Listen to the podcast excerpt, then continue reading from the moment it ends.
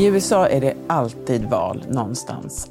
Om Donald Trump ställer upp i nästa presidentval, det vet vi ännu inte och det är ju ett tag kvar till 2024. Kanske har Trump inte själv bestämt sig än. Kanske gör han det först efter mellanårsvalet i höst då kongressledamöterna väljs. Men redan nu under upptakten till det så har vi fått en vink om hur stark Trumps ställning är hos väljarna och om hans grepp om det republikanska partiet.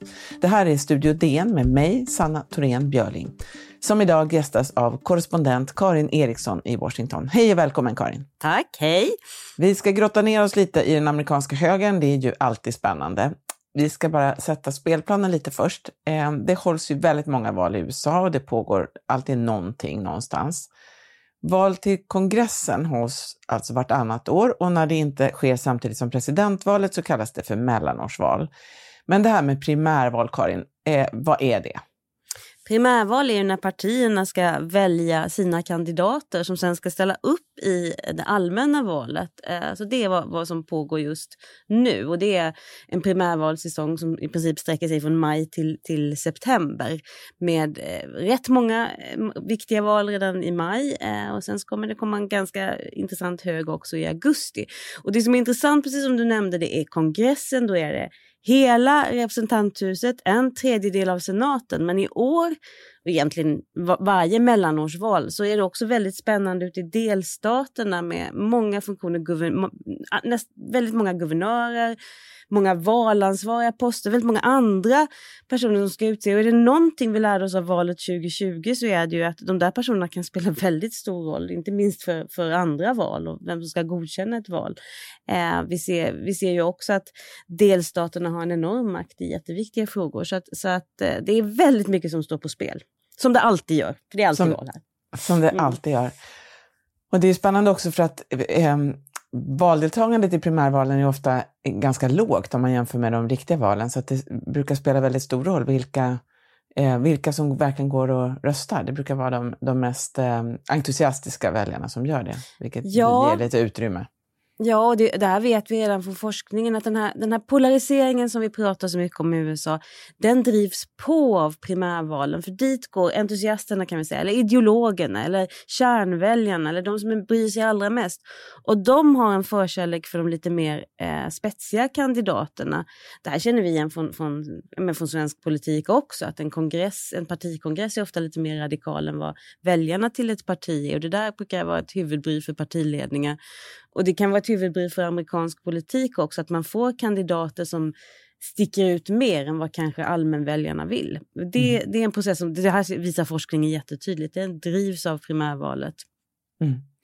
Eh, så okej okay då, eh, mellanårsvalet i november, om man, vi ska strax gå vidare från det, men i själva det valet, då brukar det ju gå dåligt för det parti som innehar presidentposten. Och mycket riktigt så ser det ju väldigt mörkt ut för Bidens parti. Eh, hur mörkt då?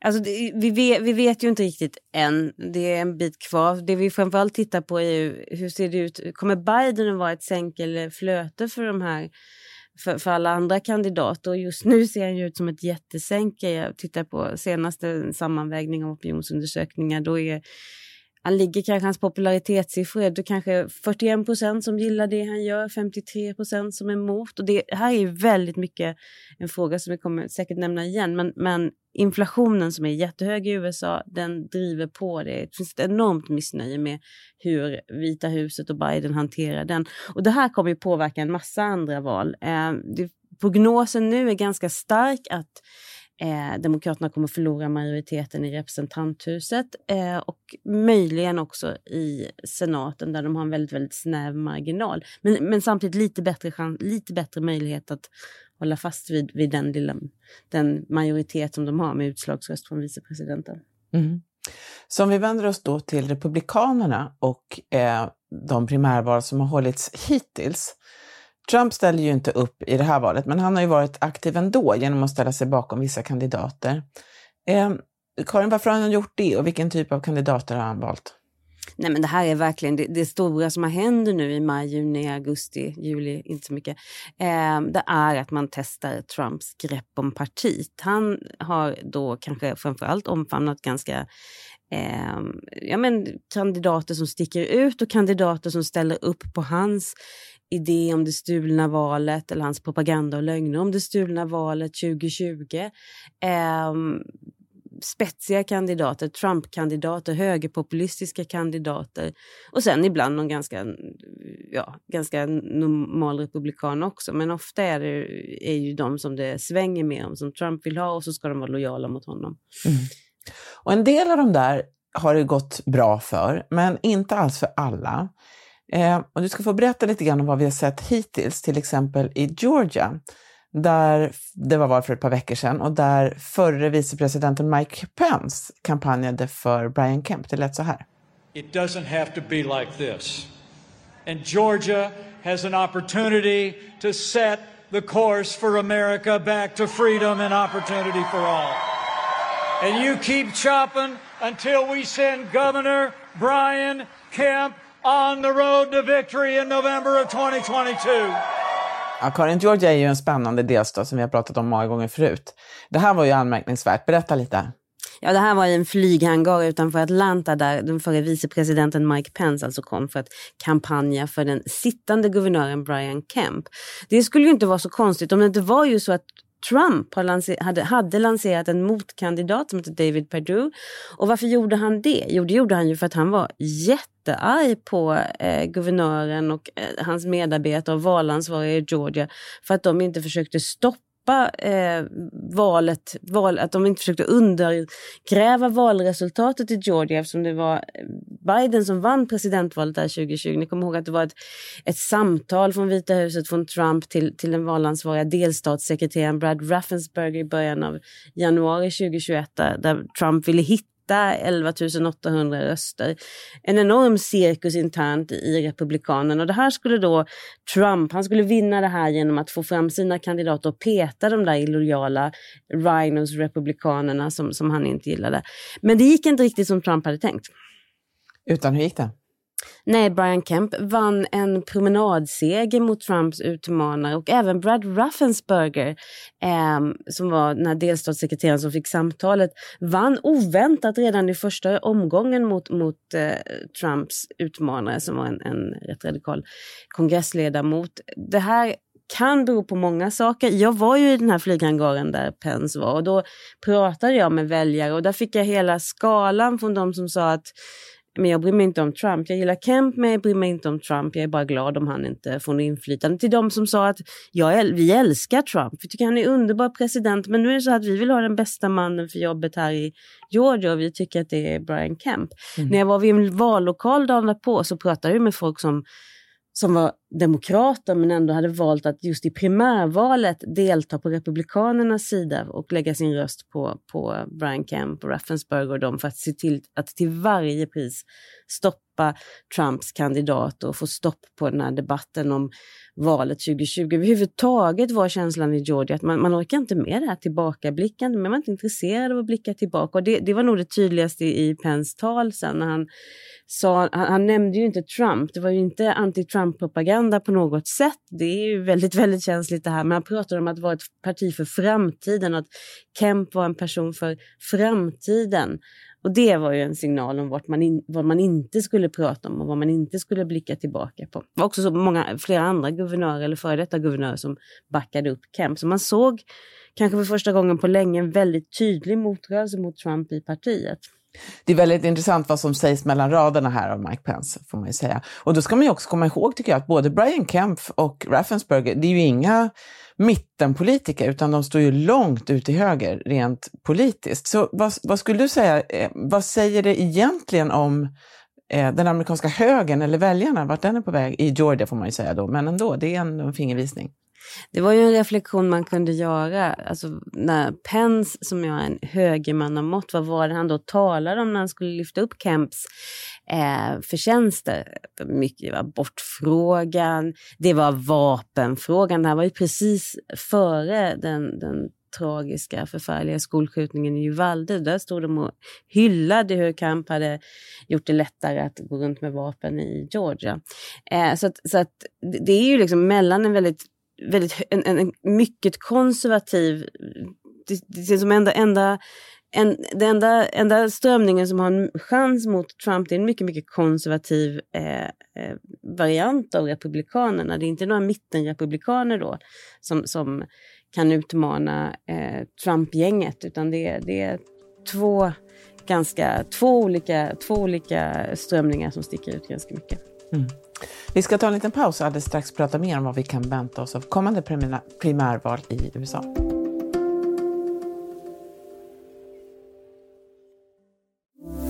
Studio DN idag om primärval och Trumps dans med Republikanerna och jag har med mig Karin Eriksson i USA.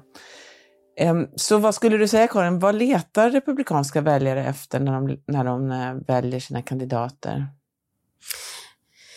De letar, alltså jag tror att de letar väldigt mycket efter någonting. Just, just nu, de, de är ju väldigt irriterade på Biden som vi nämnde tidigare. Så är, är, finns ett väldigt stort missnöje med Vita huset. Det finns ett stort missnöje med hur Biden sköter ekonomin. Det finns i i, i Republikanska partiet så, så skramlas det också väldigt mycket om migrationen och vad som kommer att hända där. Och det är väl så att, att det, trycket vid gränsen mot Mexiko ökar men kanske eh, kommer det att hända ännu mer där så småningom. Det, men, men den stora, stora frågan, det ser man jättetydligt i mätningarna, det är inflationen. Så att de, de är inte så svårövertygade egentligen om det bara kommer politiker som de, de gillar. Mm. Det finns ju en del som menar att eh, Trumps fotavtryck och det han står för, det som ibland kallas för eh, trumpismen, att den har fått fäste i partiet. Ehm, även om kanske väljarna, som du var inne på, de är ganska trötta på Donald Trump själv eh, som frontfigur och vill ha någon annan. Vad, vad, skulle du säga, vad betyder det där? Stämmer det och, och vad, vad ger det för tecken till vad, vad det här står för? Alltså jag, jag, tror inte att de är trötta på Donald Trump som, som politiker, som person. Han är fortfarande omåttligt populär i det republikanska partiet och bland kärnväljare. Eh, men de är trötta, på, däremot är de ganska trötta på att han vevar om valet 2020. Att han blickar tillbaka, att det är negativt och tillbakablickande budskap. Och det märker man ju själv att han, han numera när han framträder försöker tona ned. Så att det är, är det ena. Så det, det, det det tror jag man kan vara ganska övertygad om att det, det, det, det, betyder liksom inte att de inte, inte tror på att han har rätt när han säger att det var fel eh, och fusk i valet. Alla, alla, ganska ogr alla ogrundade påståenden om vad som hände i, i de här vågmästarstaterna inte minst. Men de vill inte prata om det längre. De vill prata om inflationen, de vill prata om utrikespolitik, de vill, prata om, de vill, de vill inte prata om, om eh, vad som hände i november för förra året. både väl för att de är trött, trötta på det och för att de rent taktiskt, tänker jag, eh, dels vill de prata om sina egna problem och sen så vill de, tror de väl inte kanske att de kan vinna, eller vad tror du?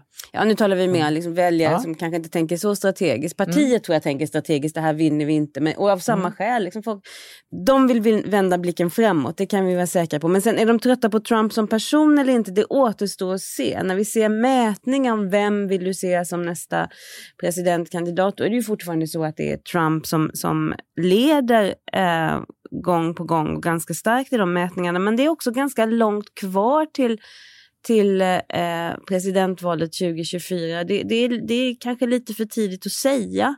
Ibland talar man om att han skulle gilla en att de skulle vilja ha kanske en, en till exempel Ron DeSantis, som är, är, det är ju det namn som nämns oftast, guvernören i Florida, som ju har eh, vissa Trumpska uttryck, som man lånar lite av det här rätt slängiga sättet att prata, den ganska hårda retoriken.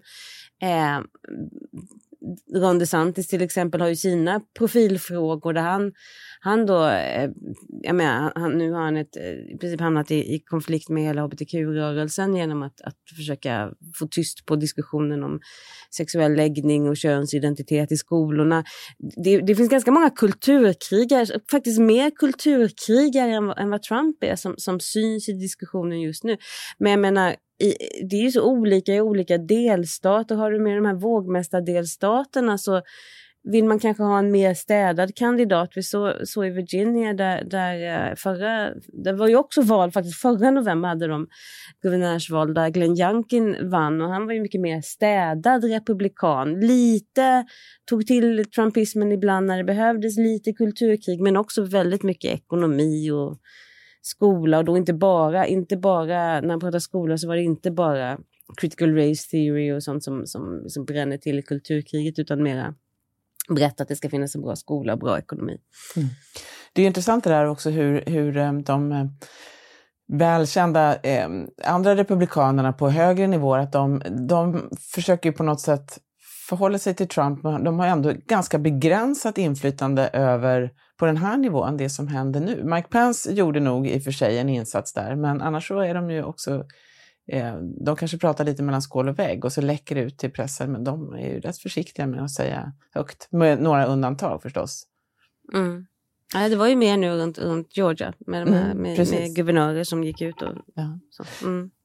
Du, vi ska eh, strax säga något om vad vi kan vänta oss framåt här, men bara en liten halvhalt. Det finns ju, som du var inne på, det är ju många frågor som är väldigt polariserande och ett par av dem har ju, eh, har ju varit extremt aktuella. Eh, vapenvåldet som du nämnde och abortfrågan. Eh, märks, på vilket sätt märks det där i primärvalsdebatterna, om det gör det alls? Ja, det, det, märks ju lite grann. Som jag, som jag nämnde så var det en fråga, just abortfrågan var ju uppe i, eh, i Georgia eh, på det valmöte jag var på. Eh, vapenvåldet diskuterades ju inte där men kommer ju att diskuteras jättemycket. Och de primärval som vi har nu eh, tisdagen den 7 juni. Där är det bland annat Kalifornien som går till primärval, får inte jättemycket uppmärksamhet kanske av oss därför att det är så givet vem som, vilket parti som tar hem Kalifornien. Det är väldigt djupt demokratiskt. Eh, det, skulle vara en, det skulle vara en sensation om det redan i primärvalet hände någonting med, med den sittande guvernören Gavin Newsom. Men däremot så ser vi att Gavin Newsom har redan gått ut och lanserat nya förslag på, på vapenlagar, nya restriktioner när det gäller eller vapen för att han säger att det här, här kan Kalifornien gå före, det här är en viktig fråga. Så att, det är klart att Demokraterna hoppas ju att både vapenfrågan och eh, eh aborterna ska vara mobiliserande. Så att i primärvalen så testar man ju de budskapen. Det var i Georgia också på båda sidor eh, inte bara Demokraterna utan också Republikanerna i, i de här frågorna. Att man, man försöker få fram, men, men där blir det ju, kommer vara ännu mer så när vi närmar oss mellanårsvalet, en kamp om agendan. För som sagt, Republikanerna de vill helst prata inflation och migration. Mm.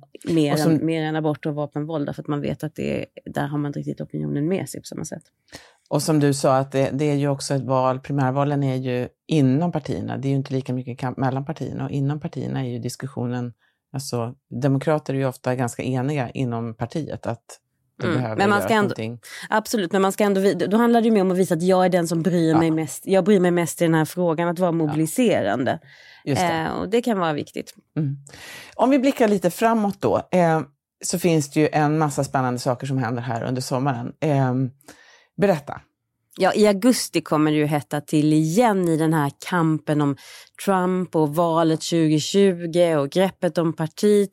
Två primärval som jag kommer att hålla ögonen på, lite grann för jag ska också vara ledig, men jag kommer ändå att vara tvungen att följa detta. Det är dels i Arizona i början av augusti, då ska bland annat guvernörsvalet, vem, vem Republikanerna vill ha som kandidat utses. Där finns det ingen sittande guvernör som, som för han måste, det är en republikan som styr Arizona och som retade ihjäl gallfeber på Trump. Men eh, han måste, han, hans tid är ute nu.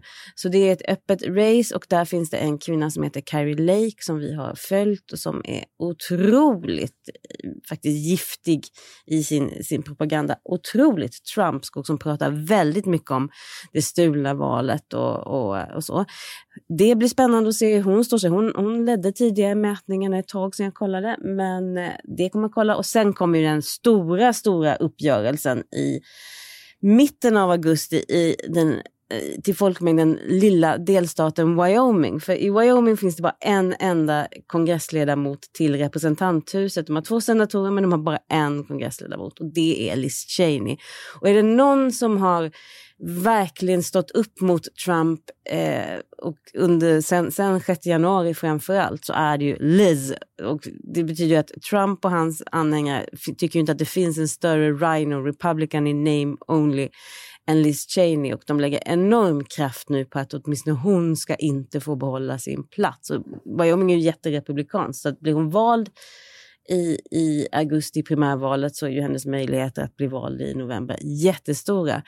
Där kan det också vara så, precis som i Georgia, att en hel del demokrater faktiskt går och deltar i det republikanska primärvalet för det är tillåtet och försöker se till att hjälpa henne. Men jag, som vi ser ut just nu i opinionsmätningarna så ligger hon pyrt till.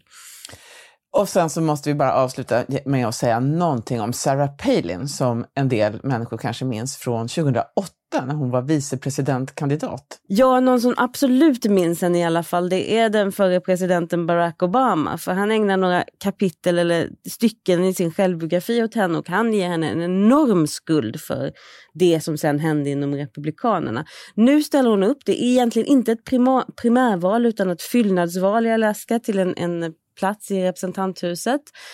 Eh, men det skulle ju kunna bana väg för en, en större comeback och hon är ju definitivt en person i Trump-lägret. Mm. Vi får all anledning att återkomma till allt detta. Tusen tack för att du var med idag, Karin. Tack. Om du vill kontakta oss så går det bra att mejla till studiodn Kom också ihåg att prenumerera på Studio DN där du lyssnar på poddar så missar du inga avsnitt. Studio DN görs för Podplay av producent Palmira Kokarimenga, ljudtekniker Patrik Miesenberger och teknik Oliver Bergman, Bauer Media. Jag heter Sanna Thorén Björling.